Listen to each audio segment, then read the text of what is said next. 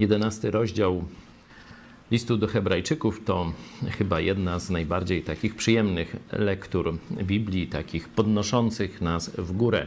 Nazywa się to rozdziałem wiary. Już e, tydzień temu e, weszliśmy w pierwszą część, wersety od e, pierwszego do siódmego. Przerobiliśmy, tam była najpierw taka krótka część teoretyczna, pierwsze trzy wersety. Później jest no, cały ten rozdział jedenasty, gdzie są przykłady i Pierwsze dwa e, wersety z rozdziału 12 stanowią jeszcze takie zastosowanie e, tego wszystkiego, co o wierze ludzi Starego Testamentu dowiadujemy się. Także dzisiaj przerobimy wersety od 8 do 16, kolejną porcją. Porcję głównym bohaterem będzie Abraham, ale nie tylko. Na początek pomódlmy się. Dziękuję Ci, Panie, że nas tutaj zgromadziłeś, choć jesteśmy w różnych miejscach, to możemy być razem. Dziękuję Ci, że uczysz nas, że od Ciebie zależy w naszym życiu właściwie wszystko. Proszę Cię, żeby, żebyśmy teraz dobrze się wgłębili w Twoje słowo i, i zrozumieli, co od nas chcesz i czego nas chcesz nauczyć. Amen. Amen. Była też praca domowa. Przeczytajmy te pierwsze trzy wersety Hebrajczyków 1-3, ponieważ no one są e, wstępem do całości, są tą podbudową teoretyczną całości. To i dzisiaj będziemy mogli, e, że tak powiem, korzystać z tej teoretycznej podbudowy w naszej, e, w naszej podróży od 8-16, a i pracę domową taką zadałem. Także tych z Was, którzy by chcieli się podzielić, o to poproszę, e, czego nauczyłem się o zaufaniu Bogu i Jego słowu z, z tego poprzedniego fragmentu. Przeczytajmy najpierw Hebrajczyków 11:1-3. A wiara jest pewnością tego, czego się spodziewamy, przeświadczeniem o tym, czego nie widzimy. Wszak jej zawdzięczają przodkowie chlubne świadectwo. Przez wiarę poznajemy, że światy zostały ukształtowane Słowem Boga, tak iż to, co widzialne, nie powstało ze świata zjawisk. I proszę o kilka głosów związanych z pracą domową. No to może ja coś powiem. Prosimy, Jolu. No przede wszystkim z tych trzech wersetów to tak jakby dotarło do mnie y, to, że Nauka i wiara są ze sobą bardzo ściśle związane. Do tej pory to tak myślałam, że nauka to jest sobie, a wiara sobie. I z tych opisów y, dowiedziałam się, że y, ten porządek, y, którym się zajmuje nauka, porządek świata, badanie świata rzeczywistego, to są zupełnie oddzielne y, metody i naukowe, natomiast wiara jest jakby zamkniętym światem, który się zajmuje tymi rzeczami y, duchowymi, niewidzialnymi, y, tymi, o których mówi Biblia. A te, ten fragment, te trzy wersety tutaj wyraźnie mówią, że wiara i nauka są bardzo ściśle z sobą związane, że bez wiary właściwie nie można poznać nawet tego świata widzialnego, nie mówiąc już o świecie niewidzialnym, który nas otacza. Y, nie można budować prawidłowych relacji tych duchowych między sobą, w związku z tym y, całe społeczeństwa również y, nie funkcjonują tak jak należy, bo brakuje tego fundamentu duchowego. Tak ogólnie. Dzięki. Dziękuję. Tutaj część takich mm, nauk doświadczalnych mówią, że nie no, tu w ogóle sprawa wiary, przekonań nie ma żadnego znaczenia. Tutaj tylko szkiełko i oko, doświadczenie, powtarzalne doświadczenie i tak dalej. Ale każdy, e, każdy naukowiec, przynajmniej w tym obszarze teorii nauki, zgodzi się, że naukowiec projektując doświadczenia, przecież naukowiec nie robi doświadczeń wszystkich, jakie są możliwe. On mówi: O, podejrzewam, że jest tak i tak, zrobię doświadczenie, które to potwierdzi albo temu zaprzeczy. Czyli on ma w głowie jakiś pogląd, jakieś oczekiwania co do wyniku e, e, tego doświadczenia.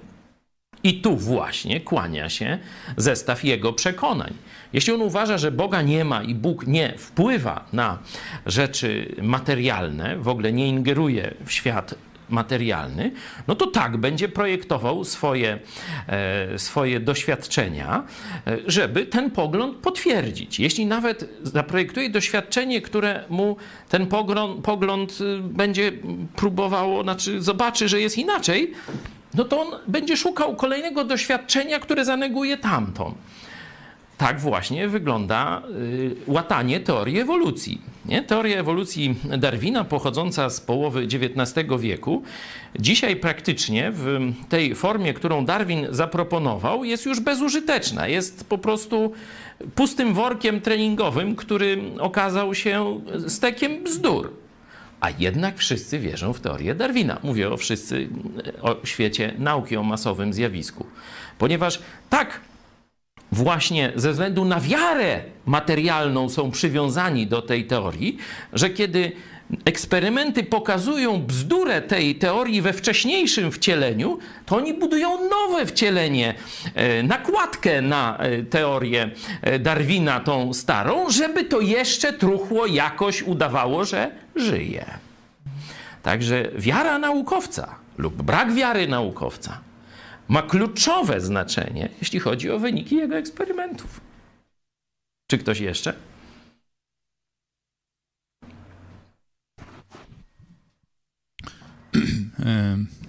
Nie, może niekoniecznie w tym ostatnim naszym spotkaniu nauczyło, ale tak cały czas i e, te wersety, co czytaliśmy, to też przypomniały mnie inne wersety, ale tak całości z tych wersetów i poprzednich e, podobnych e, nauczyłem się tego, że wiara to tak jest tak jak mówiliśmy już i wcześniej, że ona jest oddzielona, że tak jakaś taka inna dziedzina, a nauka to jest coś innego.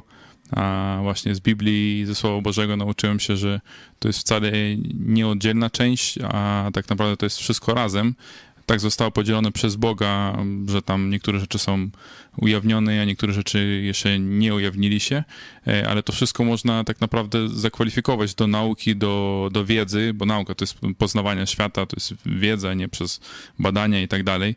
E, I to, że coś jeszcze nie ujawniło się, czy przez naukowców, czy Bóg nie objawił, to nie znaczy, że to nie istnieje. I też nauczyłem się, że to, że my czegoś nie widzimy, to to nie oznacza, że to nie jest prawda. E, po prostu jeszcze nie zostało ujawnione i też wiara i rzeczy związane z wiarą czasami mogą, tak jest, wychodzi, że są czasami bardziej prawdziwe niż, niż tam przeróżne nauki. Każdy ma dostęp do laboratorium i tak dalej, a tu doświadczenie z Bogiem, jak wchodzisz w osobiste relacje, to masz prawie na, no tam prawie, na co dzień, nie? jak jesteś z Bogiem cały czas i studujesz Jego Słowo i trzymasz się blisko, to na co dzień będziesz miał jakieś doświadczenie. I to jest to tak jak doświadczenia w laboratorium masz i masz dowody, masz jakieś tam wyniki, to tak samo masz życie z Bogiem, masz dowody, dowody, masz wyniki, coś się dzieje. To jest bardziej osobiste, to nie możesz komuś tam pokazać, nie możesz to nagrać na, na powiedzmy film czy coś, to jest cięższe udowodnić, ale dla, dla siebie dowody mamy. Tylko trzeba mhm. trzymać się blisko Boga i blisko Jego Słowa, pełnić Jego wolę i te, te dowody będą. Przykładem jest archeologia biblijna.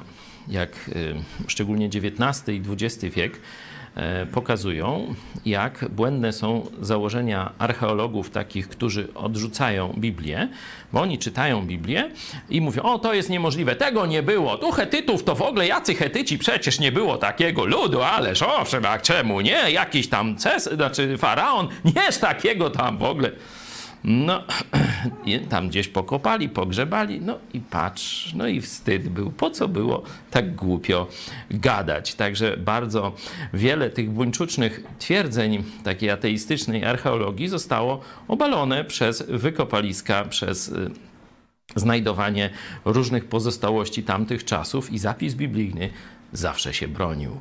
I dzisiaj część już historyków mówi, że księga na przykład dziejów apostolskich jest jedną z najlepszych pod względem e, jakości materiału takiego kronikarsko-historycznego e, księgą e, starożytną. Podobnie można powiedzieć, że nasi dziadkowie mieli niezły, że tak powiem, taki rollercaster w nauce, bo chodzili do wczesnych szkół, wczesnych lat szkoły podstawowej, Roy to im wbijano na lekcjach chemii czy fizyki, że atom jest niepodzielny, że atom jest niepodzielny, jest najmniejszą strukturą materii. To jeszcze w początku XX wieku w szkołach było uczone. Zaraz potem stwierdzono, że nie, że jednak atom się dzieli i to się niekiedy w, że tak powiem, w procesie edukacji jednego pokolenia, czyli oni w podstawówce byli uczeni czego innego, kiedy szli na studia, to już całkowicie inaczej wyglądała chemia czy fizyka tamtych czasów, a było to jako dogmaty takie niepodważalne e, podawane. Także no, kto ufa ludziom, tak zawsze kończy.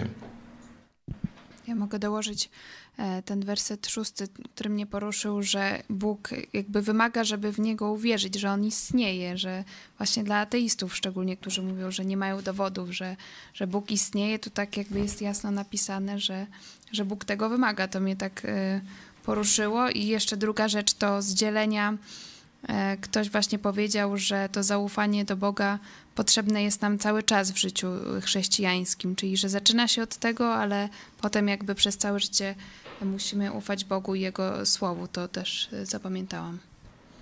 Dzięki. Mam, na dzisiaj, mam nadzieję, że i dzisiaj dołożymy coś do tego rozumienia pojęcia e, wiara. Także przeczytajmy wersety od 8 do 16.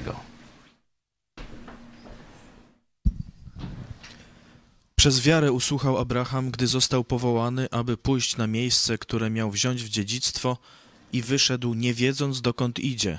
Przez wiarę osiedlił się jako cudzoziemiec w ziemi obiecanej na obczyźnie, zamieszkawszy pod namiotami z Izaakiem i Jakubem, współdziedzicami tejże obietnicy.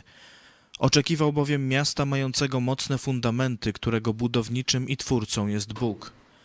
Przez wiarę również sama Sara otrzymała moc poczęcia i to mimo podeszłego wieku, ponieważ uważała za godnego zaufania tego, który dał obietnicę.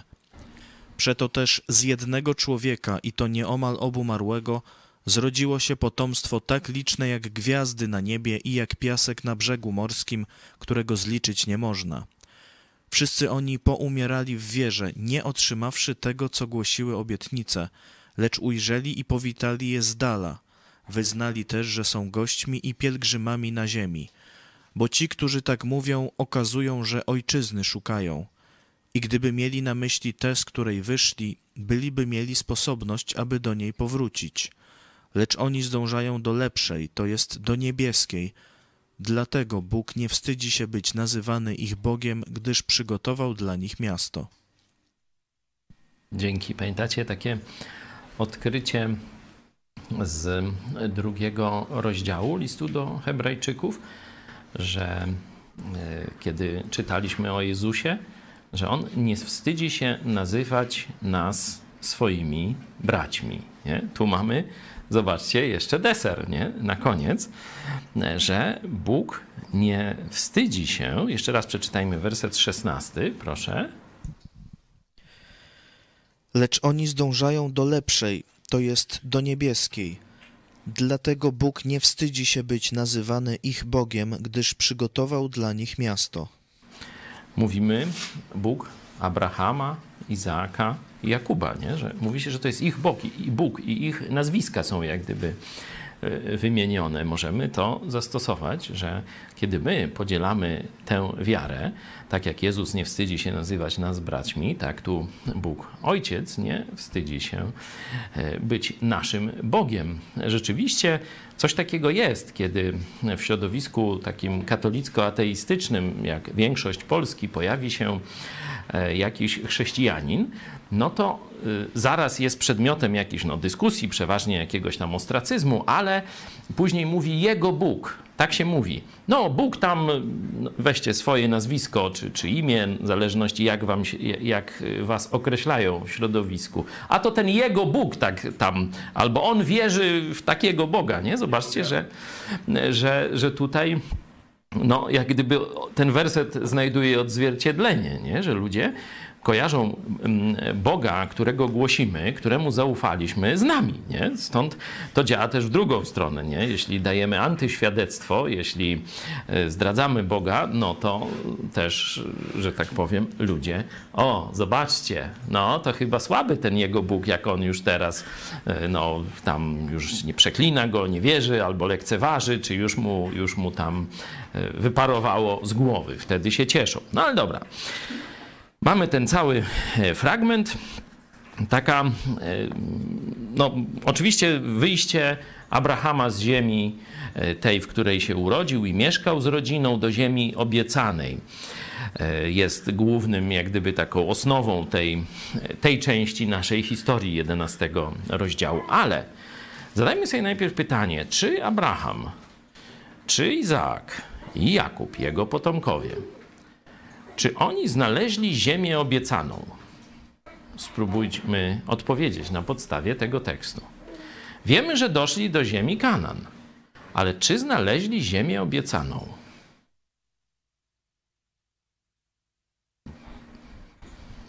Przygotujmy tłumaczenie z Biblii Tysiąclecia tego samego fragmentu i jeszcze raz przeczytamy ten fragment, szukając odpowiedzi na to pytanie. Dzięki wierze ten, którego nazwano Abrahamem, usłuchał wezwania, by wyruszyć do ziemi, którą miał objąć w posiadanie. Wyszedł nie wiedząc dokąd idzie. Dzięki wierze przywędrował do ziemi obiecanej, jako ziemi obcej, pod namiotami mieszkając z Izaakiem i Jakubem współdziedzicami tej samej obietnicy. Oczekiwał bowiem miasta zbudowanego na silnych fundamentach, którego architektem i budowniczym jest sam Bóg. Dzięki wierze także i sama Sara, mimo podeszłego wieku, otrzymała moc poczęcia, uznała bowiem za godnego wiary tego, który udzielił obietnicy. Przeto z człowieka jednego i to już niemal obumarłego powstało potomstwo tak liczne jak gwiazdy na niebie, jak niezliczone ziarnka piasku na wybrzeżu morza. W wierze pomarli oni wszyscy, nie osiągnąwszy tego, co im przyrzeczono, lecz patrzyli na to z daleka i witali, uznawszy siebie za obcych i gości na tej ziemi. Ci bowiem, co tak mówią, wykazują, że szukają ojczyzny. Gdyby zaś te wspominali, z której wyszli, znaleźliby sposobność powrotu do niej. Teraz zaś do lepszej dążą, to jest do niebieskiej. Dlatego Bóg nie wstydzi się być nazywany ich Bogiem, gdyż przysposobił im miasto. Jaka jest wasza odpowiedź? Czy Abraham, Izaak i Jakub weszli do ziemi obiecanej. Pytanie jest no, kluczowe, no bo Bóg ich, znaczy Abrahama wezwał. E, Abraham poszedł, gdzieś doszedł, e, miał tych potomków, no ale czy ten cel dojścia do ojczyzny, do tego miejsca, za którym tęsknili, o którym marzyli, którego poszukiwali, czy ziścił się, kiedy weszli do ziemi Kanaan? Bo każdy z nich tam był. Mamy jakiegoś chętnego do zmierzenia się z tym pytaniem? Według mnie to nie. Odpowiedź konkretna. Bo tu dopiero Bóg przysposobił im, a oni tak jakby stoją w blokach startowych i czekają, żeby tam wejść. Mhm. Ktoś jeszcze? Może ktoś się nie zgadza, no. Ja podobnie uważam, że tak ten autor listu do Hebrajczyków napisał, że, że to, co naprawdę Bóg obiecał, to tylko zobaczyli z daleka, czyli nie weszli do, do tej mhm. prawdziwej ziemi obiecanej. No, jesteśmy w miarę zgodni, no to teraz ta ziemia, czy to miasto pojawia się w dwóch miejscach tego tekstu, nie? W dziesiątym, widzicie wersecie, nie? Możemy przeczytać jeszcze raz, może z Brytyjki teraz, e, na powrót. Oczekiwał bowiem miasta mającego mocne fundamenty, którego budowniczym i twórcą jest Bóg. Budowniczym tu jest to słowo, które można jako rzemieślnik albo jako mistrz, ale niektórzy właśnie oddają to jako architekt. Nie? E, czyli można też oddać e, którego masonem i budowniczym, albo architektem i masonem był Bóg. Nie? To jest jeden opis tego miasta i drugi, jeszcze raz przeczytajmy szesnasty werset. Lecz oni zdążają do lepszej, to jest do niebieskiej, dlatego Bóg nie wstydzi się być nazywany ich Bogiem, gdyż przygotował dla nich miasto. Mhm. Jak myślicie, czy miasto z wersetu 10 i miasto z wersetu 16 to, ta, to to samo miasto?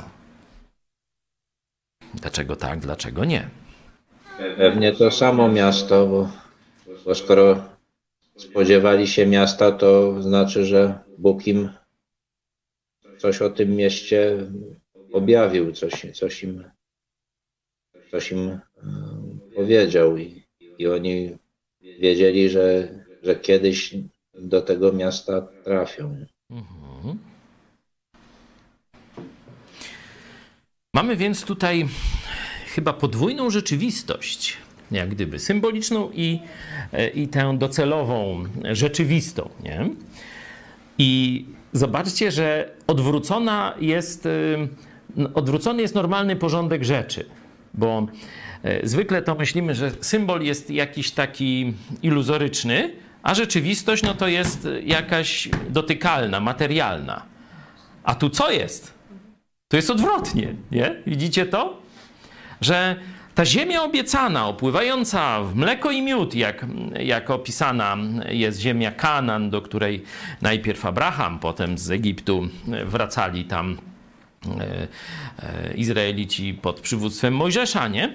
E, że to jest ten konkret. Nie. To był symbol.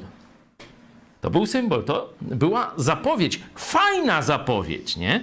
Na ziemi można powiedzieć jedna z fajniejszych, nie? Że, że rzeczywiście no Bóg wybrał to miejsce dla nich jako tę ziemię e, obietnicy, nie? E, ale jednocześnie Bóg był z nimi w dialogu i tu jest mowa o Abrahamie, ale nie tylko. Widzicie, że jest mowa o Izaaku, o Jakubie, że on im to samo mniej więcej mówił. Czyli wiedza Abrahama, wiedza Izaaka, wiedza Jakuba na temat Boga to jest dużo więcej niż mamy objawione w Starym Testamencie w pierwszej księdze Mojżeszowej, bo o tych rzeczach można przeczytać w 12, tam 18, 21 e, rozdziale księgi Genezis. Nie będziemy teraz czytać, ale jakbyście chcieli sobie to poszerzyć, to tam e, odsyłam. Zobaczcie, że mamy kolejne świadectwo e, czegoś, czego tak do końca nie znamy, ale co jest rzeczywistością. To, co pokazywaliśmy w Ewangelii Jana w ósmym rozdziale, że Bóg Abrahamowi objawił dzień Chrystusa. To mamy teraz kolejne przykłady, że tego było więcej. Że on im coś opowiadał o niebie, że oni żyli wizją tego miasta w niebie, choć wyszli z ziemskiego miasta, z Ur Chaldejskiego, znaczy mówię Abraham, no bo tam, tam Abram, e, ci jego potomkowie to nie, weszli do ziemi Kanan, tej, którą Bóg im obiecał, nie? Tam zaczęli budować swoje, rozstawiać swoje namioty, swoje stada, swoje siedziby, groby też tam mieli, groby swoich ojców później tam mieli, ale cały czas wiedzieli, zobaczcie, że to nie jest docelowe miejsce, że to nie jest ich wieczna ojczyzna. Oni, i Abraham, Izaak, i Jakub, szukali miasta w niebie. Bardzo ciekawe odkrycie, tak no, moim skromnym zdaniem. Warto sobie pomyśleć, o jakim ty miejscu dla siebie marzysz. Czy twój obecny dom jest szczytem Twoich marzeń, czy też marzysz o jakimś więcej, żebyś mieć więcej pokoi na przykład, może brakuje Ci basenu, nie, może y, kawałek lasu by się przydał gdzieś z tyłu koło Twojego y, domu. No bardzo zachęcam do uznania tej perspektywy, że pomieszkasz tu może pół roku, może 50 lat, daj Boże jak najwięcej, ale będzie to krótki okres a prawdziwy dom to przygotował nam Jezus w niebie. Warto o nim myśleć, o nim marzyć i tam już przerzucać skarby. Nie? Tak samo jak człowiek ma stare, gdzieś ciasne mieszkanie, buduje nowe, no to kiedy bliżej wyprowadzki, no to część rzeczy z tego starego, takich bardziej już e, wartościowych czy ładnych, no to już tam powoli umieszcza w tym nowym domu. Warto, żeby się przygotować na wieczność już teraz i tam gromadzić skarby. To zresztą jest nauka znana w Nowym Testamencie e, Jezus w Ewangeliach o tym bardzo często mówił, a potem e, apostołowie. Zobaczcie, że to wszystko to nie jest perspektywa wyłącznie Nowego Testamentu. Tak żyli właśnie patriarchowie. Dlatego Bóg nie wstydzi się nazywać ich imieniem. Że tak, ja jestem Bogiem Abrahama, jestem Bogiem Izaaka, jestem Bogiem Jakuba. Bo oni uwierzyli w to, co im powiedziałem o mieście w niebie i cały czas żyjąc na ziemi, pasąc owce tu na ziemi, budując różne rzeczy, tocząc wojny, myśleli o czym? O tym mieście w niebie. Jego szukali, dla niego żyli, za nim tęsknili. Nie zobaczyli go w czasie swojego życia na ziemi, no ale tam e, nie przekreśla ich dążeń. To tylko pokazuje, że my jesteśmy w nieco, czy w dużo lepszej już sytuacji. No ale dobrze. Zwykle nadajemy tytuł takiemu fragmentowi, który studiujemy. Tu może być wiara Abrahama, choć e, za tydzień, jak Bóg da, będziemy jeszcze dalej mówić o e, Abrahamie, o jego e, potomkach. Także no, nie jest to, że tak powiem, precyzyjna nazwa, ale myślę, pragnienie lepszej ojczyzny albo lepszego domu chyba dobrze op, op, no, w pamięci nam ten fragment y, tak zapozycj zapozycjonuje. 8:16. Pragnienie lepszego domu w osobie Abrahama, Izaaka, Jakuba można dodać. Podzielimy go na trzy części. 8:10 to jest y, Abraham i ta ziemia, nie? 8:10 tu powołanie Abrahama. 11, 12 to są Abraham i jego potomkowie. 13, 16 to jest już opis lepszej ojczyzny, czyli Abraham, ziemia, Abraham, potomkowie i końcówka 13, 16 lepsza ojczyzna. Przeczytajmy więc po kolei 8, 10 teraz. Przez wiarę usłuchał Abraham, gdy został powołany, aby pójść na miejsce, które miał wziąć w dziedzictwo i wyszedł nie wiedząc dokąd idzie. Przez wiarę osiedlił się jako cudzoziemiec w ziemi obiecanej na obczyźnie, zamieszkawszy pod namiotami z Izaakiem i Jakubem, współdziedzicami tejże obietnicy. Oczekiwał bowiem miasta mającego mocne fundamenty, którego budowniczym i twórcą jest Bóg. Czego dowiadujemy się o Bogu z tego pierwszego fragmentu?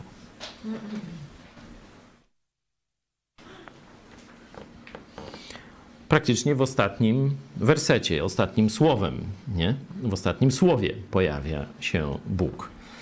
Bóg jako architekt, jako mason. Bóg jako budowniczy tego miasta, które jest naszą przyszłością, naszą tęsknotą. Przeczytajmy e, drugi e, fragment, 11, 12, czyli Abraham i jego e, potomkowie i szukajmy, czego w tym fragmencie dowiemy się o Bogu. Przez wiarę również sama Sara otrzymała moc poczęcia i to mimo podeszłego wieku, ponieważ uważała za godnego zaufania tego, który dał obietnicę – Przeto też z jednego człowieka, i to nieomal obumarłego, zrodziło się potomstwo tak liczne jak gwiazdy na niebie i jak piasek na brzegu morskim, którego zliczyć nie można. Czego tutaj dowiadujemy się o Bogu? Godny zaufania. Powiedział to zrobi. Nie? Czyli Bóg jako budowniczy, Bóg jako godny zaufania. No to jedźmy do ostatniego naszego fragmentu. Ta lepsza ojczyzna, czego tu dowiemy się o Bogu od 13 do 16. Wszyscy oni poumierali w wierze, nie otrzymawszy tego, co głosiły obietnice, lecz ujrzeli i powitali je z dala. Wyznali też, że są gośćmi i pielgrzymami na ziemi. Bo ci, którzy tak mówią, okazują, że ojczyzny szukają. I gdyby mieli na myśli tę, z której wyszli, byliby mieli sposobność, aby do niej powrócić. Lecz oni zdążają do lepszej, to jest do niebieskiej. Dlatego Bóg nie wstydzi się być nazywany ich Bogiem, gdyż przygotował dla nich miasto. Mhm. To, że jest, że jest budowniczym, to już wiemy, ale co jeszcze? Pamiętacie kłótnie e, faryzeuszy i saduceuszy na temat zmartwychwstania? Bo faryzeusze wierzyli, że jest zmartwychwstanie, a saduceusze, część takie stronnictwo e, żydowskie, bardziej związane z władzą, z arcykapłanami, stwierdzili, że nie ma zmartwychwstania. Nie? Że jakoś tu i teraz. No jak z władzą byli związani, no to mieli świński rozum. No to po co im jakieś zmartwychwstanie, jak już tu i teraz im dobrze było, nie? I pamiętacie ten, ten argument, jaki, jaki tam padł w tym sporze? Przecież jak Bóg jest Bogiem Abrahama, no to jest żyjących, a nie umarłych, czyli musi być zmartwychwstanie.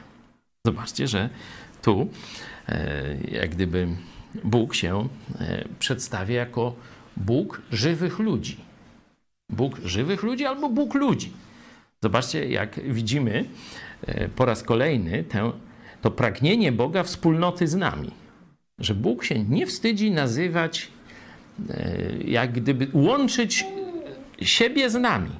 On chce być naszym Bogiem, chce być Twoim Bogiem. Nie? No to to pokazuje i jeszcze do tego zbudował ci mieszkanie w niebie. No to znaczy, że coś chce z tobą, nie? Znaczy, że cię lubi, no, no. Chciałby z tobą spędzić wieczność. No, różne takie rzeczy można sobie z tego wnioskować.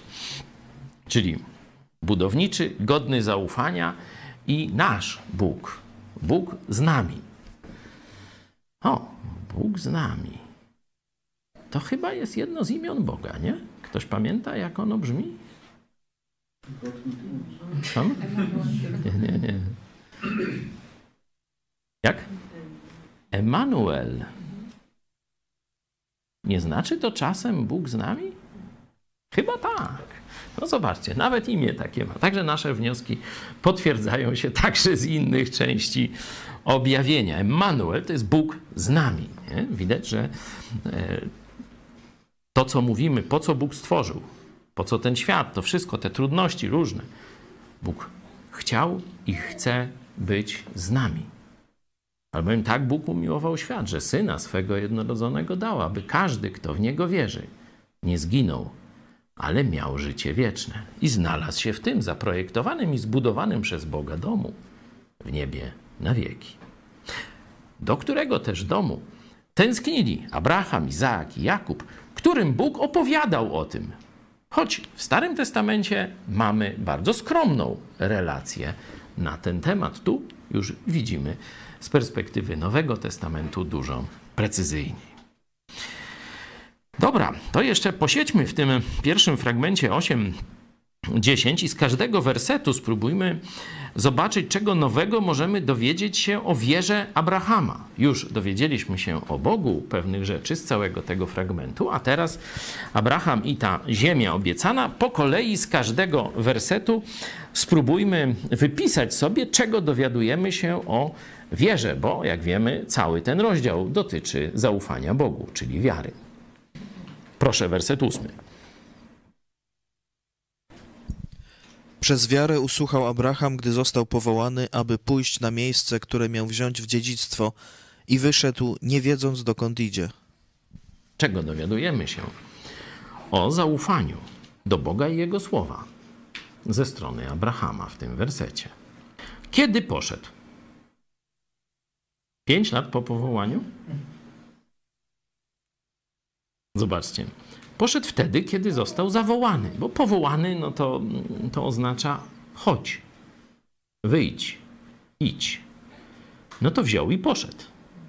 Nie? Czyli kiedy on reagował szybko, kiedy otrzymywał objawienie, kiedy poznawał wolę Boga, wtedy szybko ją realizował. Czyli jego wiara oznaczała szybkie wykonanie wezwania Bożego.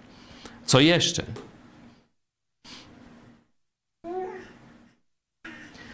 Oznaczała rezygnację z czegoś.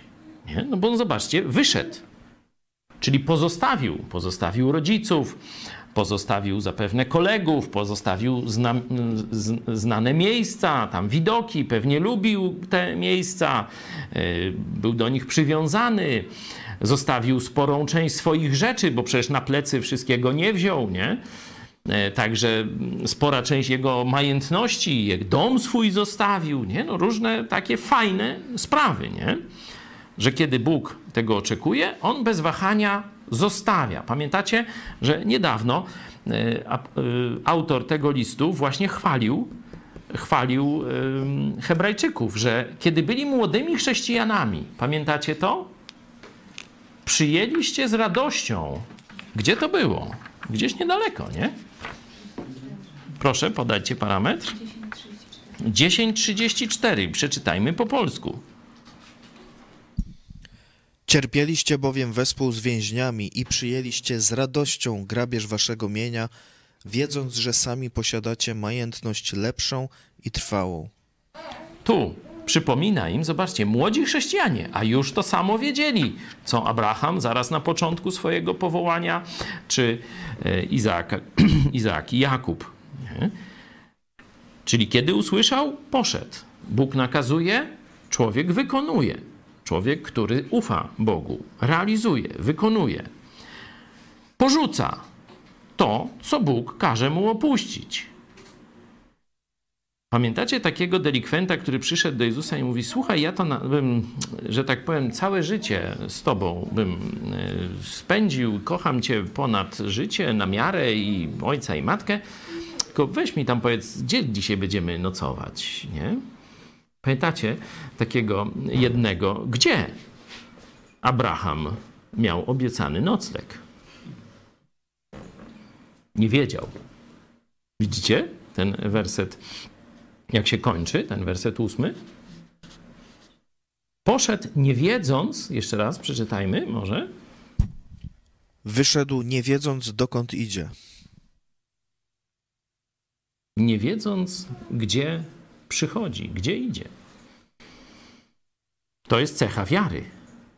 Nie, że tutaj, no jak ktoś na przykład zmienia pracę, no pyta, no dobrze, ale czy ja tu będę miał to, czy to, czy tam na przeprowadzkę, to też mi podstawicie samochód, czy dacie mi też premię mm, z powodu rozłąki i tak dalej, i tak dalej. A ile pokoi tam będę miał, a ile będę zarabiał, nie? To nie jest wiara. To jest deal. I szanuję, można tak robić, nie ma żadnego problemu, ale zobaczcie, w naszej relacji z Bogiem Bóg oczekuje całkowicie czego innego. Mówi ci chodź, to rzucasz wszystko, od razu idziesz, choć nie wiesz dokąd, choć nie wiesz, gdzie skończysz, choć nie wiesz, co z tego wyjdzie za dwa lata, pół roku czy dziesięć lat. Wiesz, że wyjdzie dobrze, bo Bóg tym kieruje, ale nie znasz konkretów. Werset dziewiąty przeanalizujmy pod tym samym kątem. Poproszę, werset dziewiąty.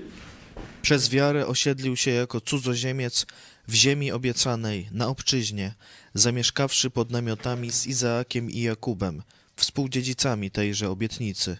Dzięki czego tu się dowiadujemy o wierze Abrahama. Ja tylko tak nie chciałem przerywać, chciałem dodać do poprzedniego jeszcze, że wiara daje odwagę też, bo w tych czasach, w sumie nawet i dzisiaj, jak pójdziesz gdzieś, gdzie nie wiesz gdzie, no to ja bym na przykład normalny przed nawróceniem by bał się, nie? A, tak, szczególnie, że tu pójdziesz do czegoś obcego, czegoś, co nie znasz. To będzie dla ciebie obce życie. Obcy ludzie może, obce miejsce, obcy kraj nawet może być. No różnie tam bywa w naszym życiu, nie? I tu widać, że mhm. osiedlił się jako cudzoziemiec w ziemi obiecanej. Tak. Gdzieś tam trafił gdzie. Czy idziesz do obcego, czyli pójście e, za Bogiem, ono wcale nie oznacza czegoś łatwego. To będzie ryzyko, to będzie strach, to będzie jakaś nieprzyjemność, bo obce to, to, to nie jest dla nas, y, jakby to powiedzieć, coś, to nie jest słowo pożądane. My nie, nie, nie lubimy czegoś obcego, lubimy swojskie, nie? a tu będzie obce. Nie? Czyli życie przez wiarę oznacza też życie w jakiejś niewygodzie. Zresztą zobaczcie, co tutaj się pojawia, jaki symbol. Namiot. Nie? Nie y, pałac, tylko namiot. Przecież to Bóg mu obiecuje, będziesz ojcem narodów. No to ktoś myśli, a to jakiś pałac mu zrobi. No nie, namiot. Nie? Czyli kiedyś takie nagrałem, będąc w Izraelu, economy class, y, taki pomyśl dziś, nie? że te wszystkie posiłki, które Jezus daje, to nie był kawior nie? Y, i szampańsko je, jak u komuchów, nie? Tylko to było proste jedzenie, to było proste jedzenie, chleb i ryba nie? i woda do picia. Nie? Niekiedy wino, ale to od święta bardziej, nie? nie na co dzień. Proszę. E, Tutaj jeszcze odnośnie tego namiotu i takie jakby połączenie tych dwóch wersetów, bo e, Abraham opuścił swoje ziemie rodzinne i ze Starego Testamentu się dowiadujemy, jak Izaak szukał sobie wybranki, no to poszedł w tamte strony i tam no, było chadziajstwo, było gospodarstwo pełną gębą, natomiast Abraham no, mieszkał pod namiotem, chociaż był też majętny, jak wiemy. No. Bóg mu błogosławił, ale to wszystko było tymczasowe, nie? Takie właśnie kempingowe, no można tak powiedzieć. Czarek, chcesz coś dodać? Nie. Czy jeszcze? Jakaś myśl z wersetu dziewiątego?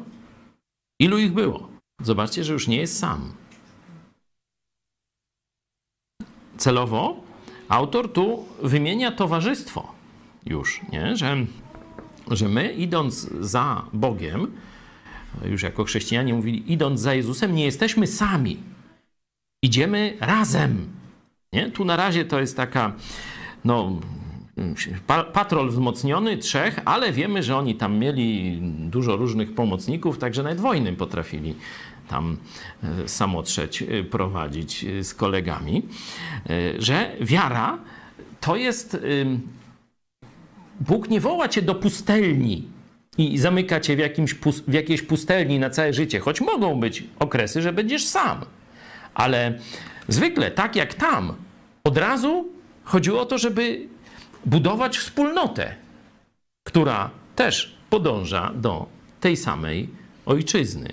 I no, cały przykład Nowego Testamentu to jest aż nadto tych przykładów. Dobra, ostatni, dziesiąty werset. Oczekiwał bowiem miasta mającego mocne fundamenty, którego budowniczym i twórcą jest Bóg.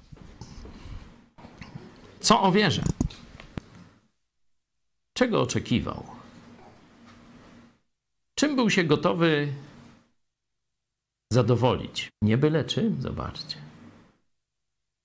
On naprawdę szukał Bożej rzeczywistości. On nie chciał tylko poprawy rzeczywistości, w której żył. On chciał być w centrum Bożej rzeczywistości. To było jego pragnienie. On szukał Bożego miejsca, a nie jakiegoś miejsca, nie lepszego miejsca. On szukał solidnego, Bożego miejsca dla siebie. Nie?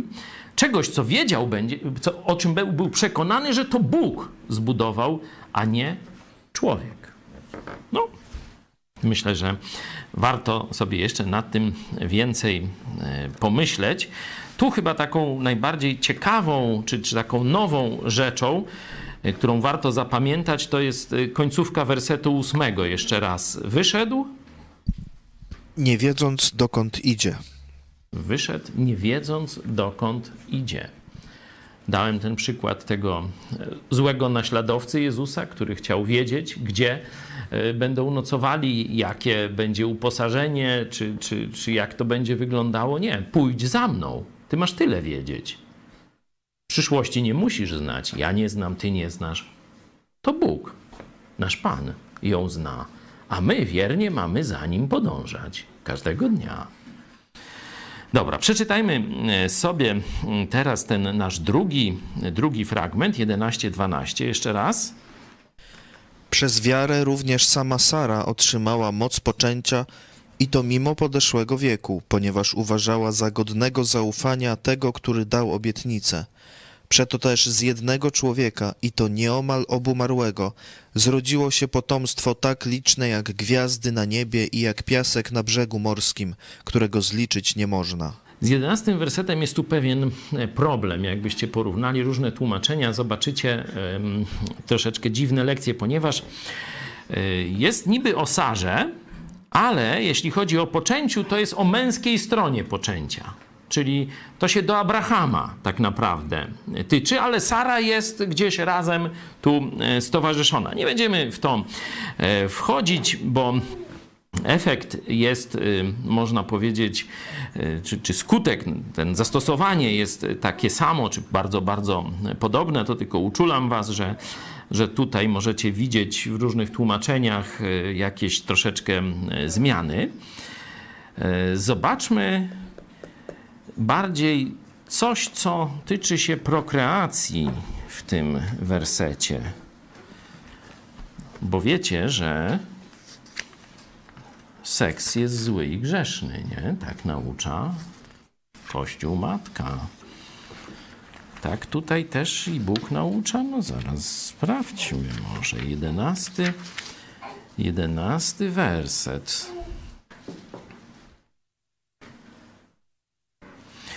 Tutaj właśnie to wyrażenie związane z mocą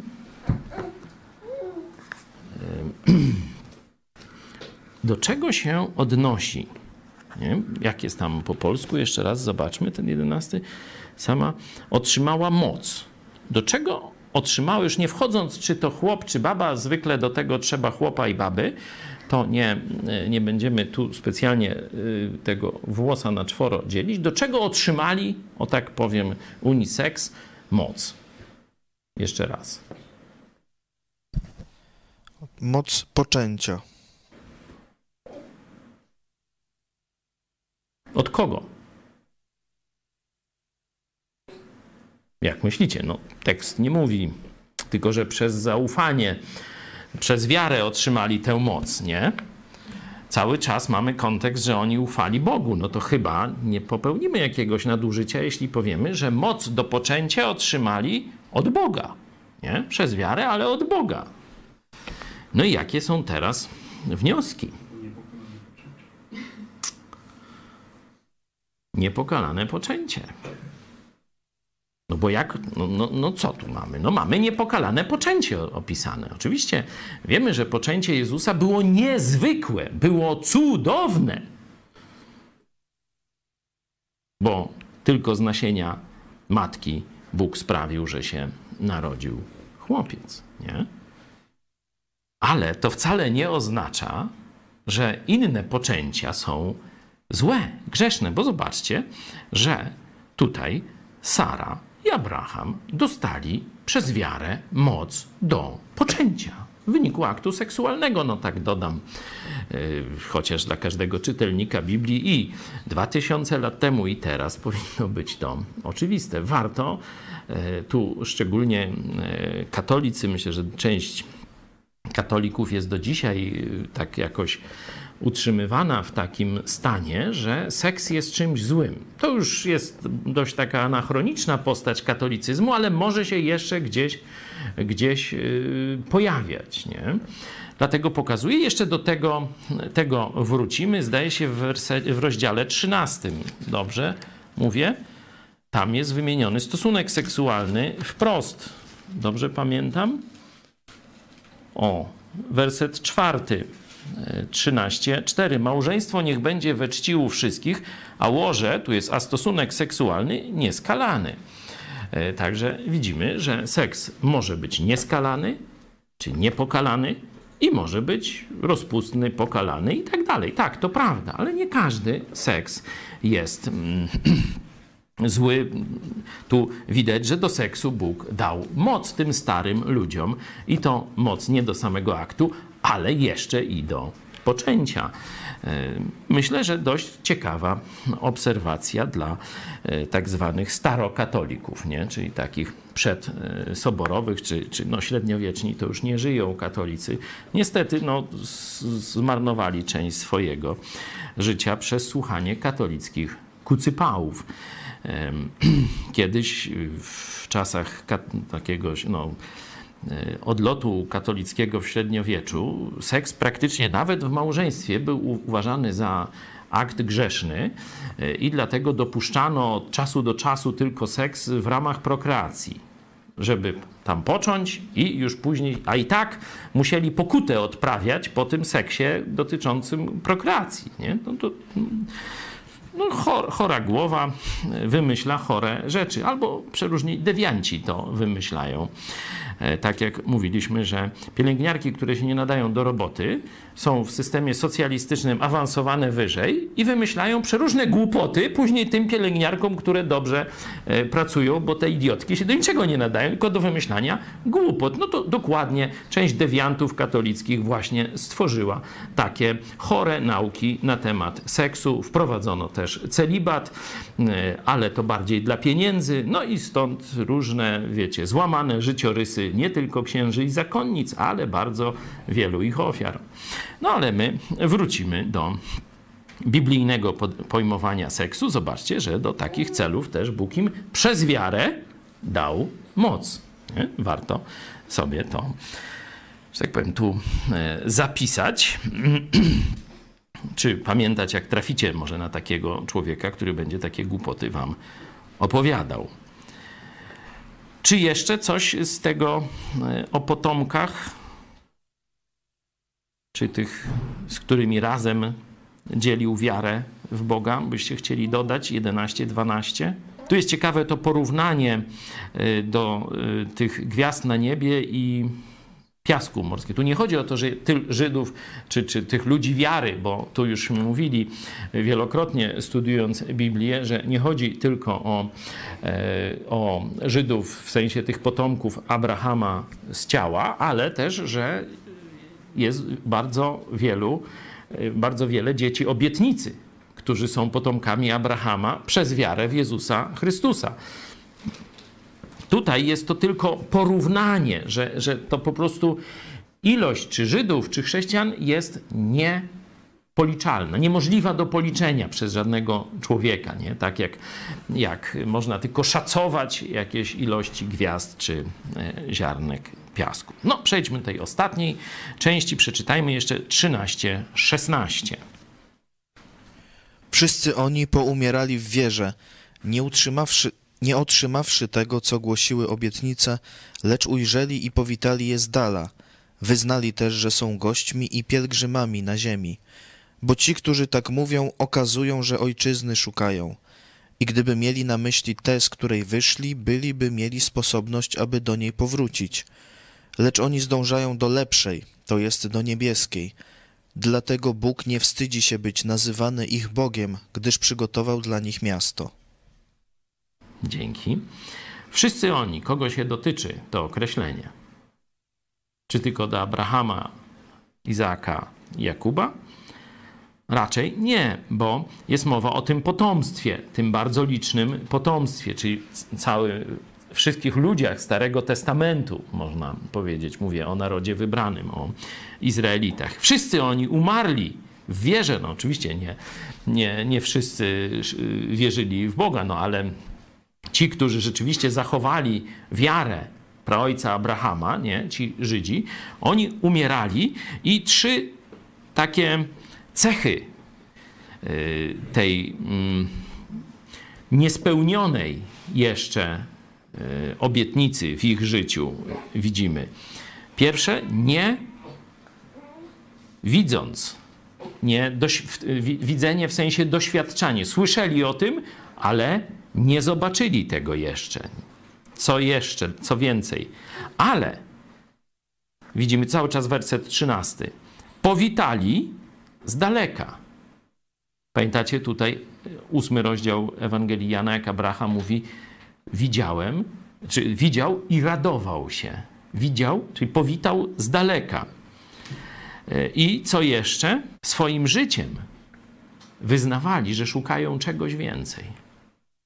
Że choć żyją w warunkach tu i teraz, to szukają czegoś więcej ojczyzny w niebie. O tej ojczyźnie mówiliśmy już na samym początku, nie będę się więc cofał.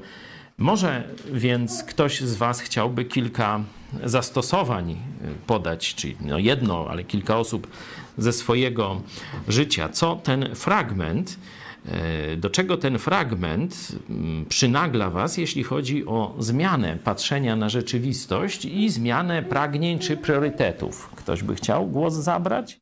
Witam. No to dobre podsumowanie myślę będzie słowa samego Jezusa, żeby nie gromadźcie sobie skarbów na ziemi, gdzie mól i rdza niszczą, gdzie złodzieje włamują się i kradną. Gromadźcie sobie skarby na niebie, gdzie ani mól, ani rdza nie niszczą i gdzie nie złodzieje nie złamują się. No to no, same takie podejście właśnie od czasu nawrócenia. No, oczywiście warto dbać o swój dom i porządek, ale nie stanowić tego osią swojego życia, tylko właśnie zabiegać o rozwój Królestwa Bożego, ewangelizacji swojego kraju, jako priorytet swojego życia traktować. Tyle od siebie. I? Ktoś jeszcze?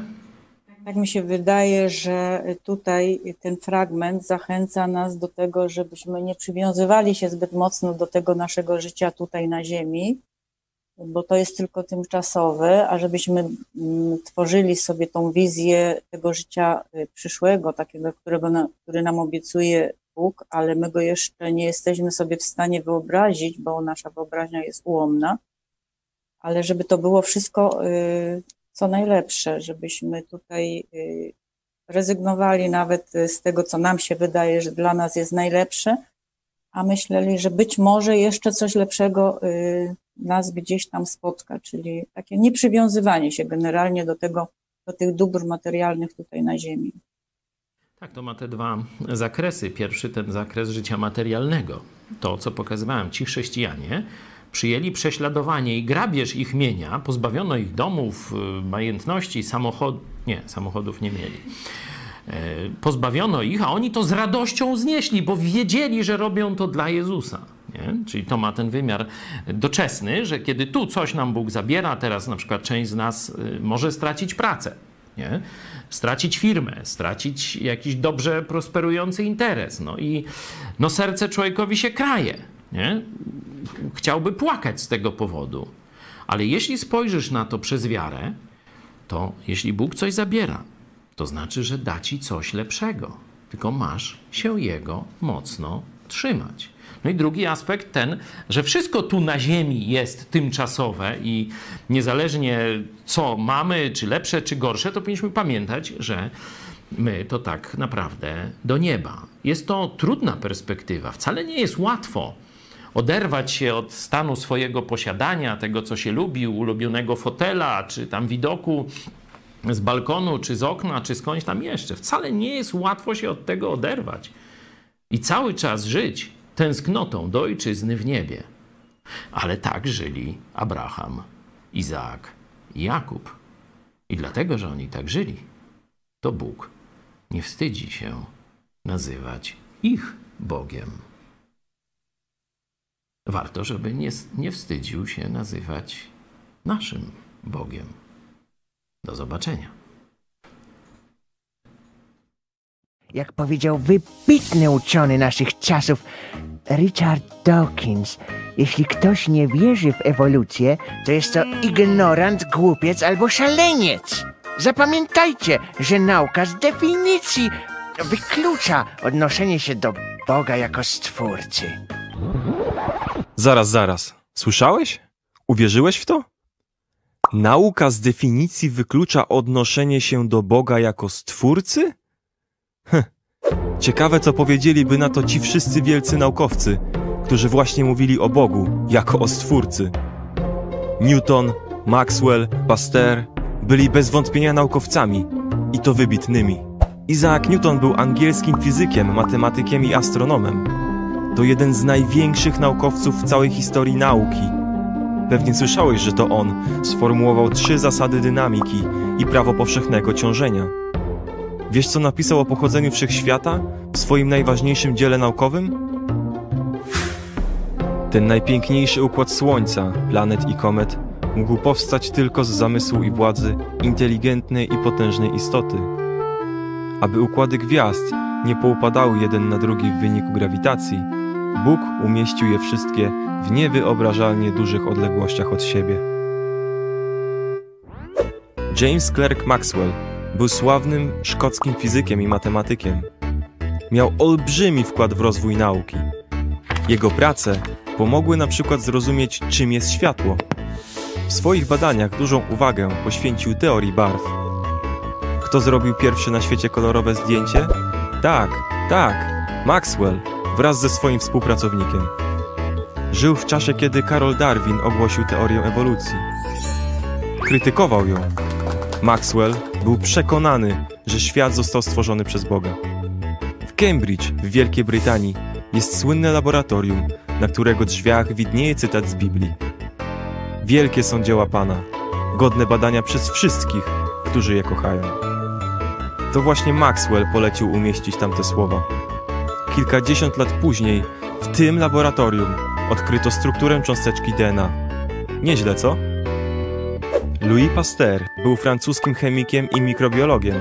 To on opracował szczepionkę przeciwko wściekliźnie.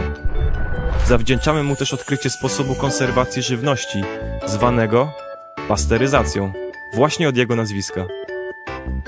Czy wiesz, że kiedyś całkiem na serio wierzono, że w rosole bakterie mogą powstać spontanicznie, tak same z siebie? Pasteur wykazał, że dostają się one do rosołu z powietrza, a nie tworzą się w nim. W ten sposób obalił teorię samorództwa. No a co z jego wiarą w Boga? Oto co powiedział. Im bardziej badam przyrodę, tym bardziej zachwyca mnie dzieło Stwórcy. Louis Pasteur odrzucił też teorię ewolucji. A to tylko kilku z tych naukowców, którzy wskazywali na działanie Boga w przyrodzie. Książka Na tropie stworzenia to wyprawa na poszukiwanie wskazówek i faktów, które świadczą o tym, że świat nie powstał z przypadku, ale że za jego projektem stoi Bóg Stwórca. To prawdziwa przygoda dla dzieci i rodziców.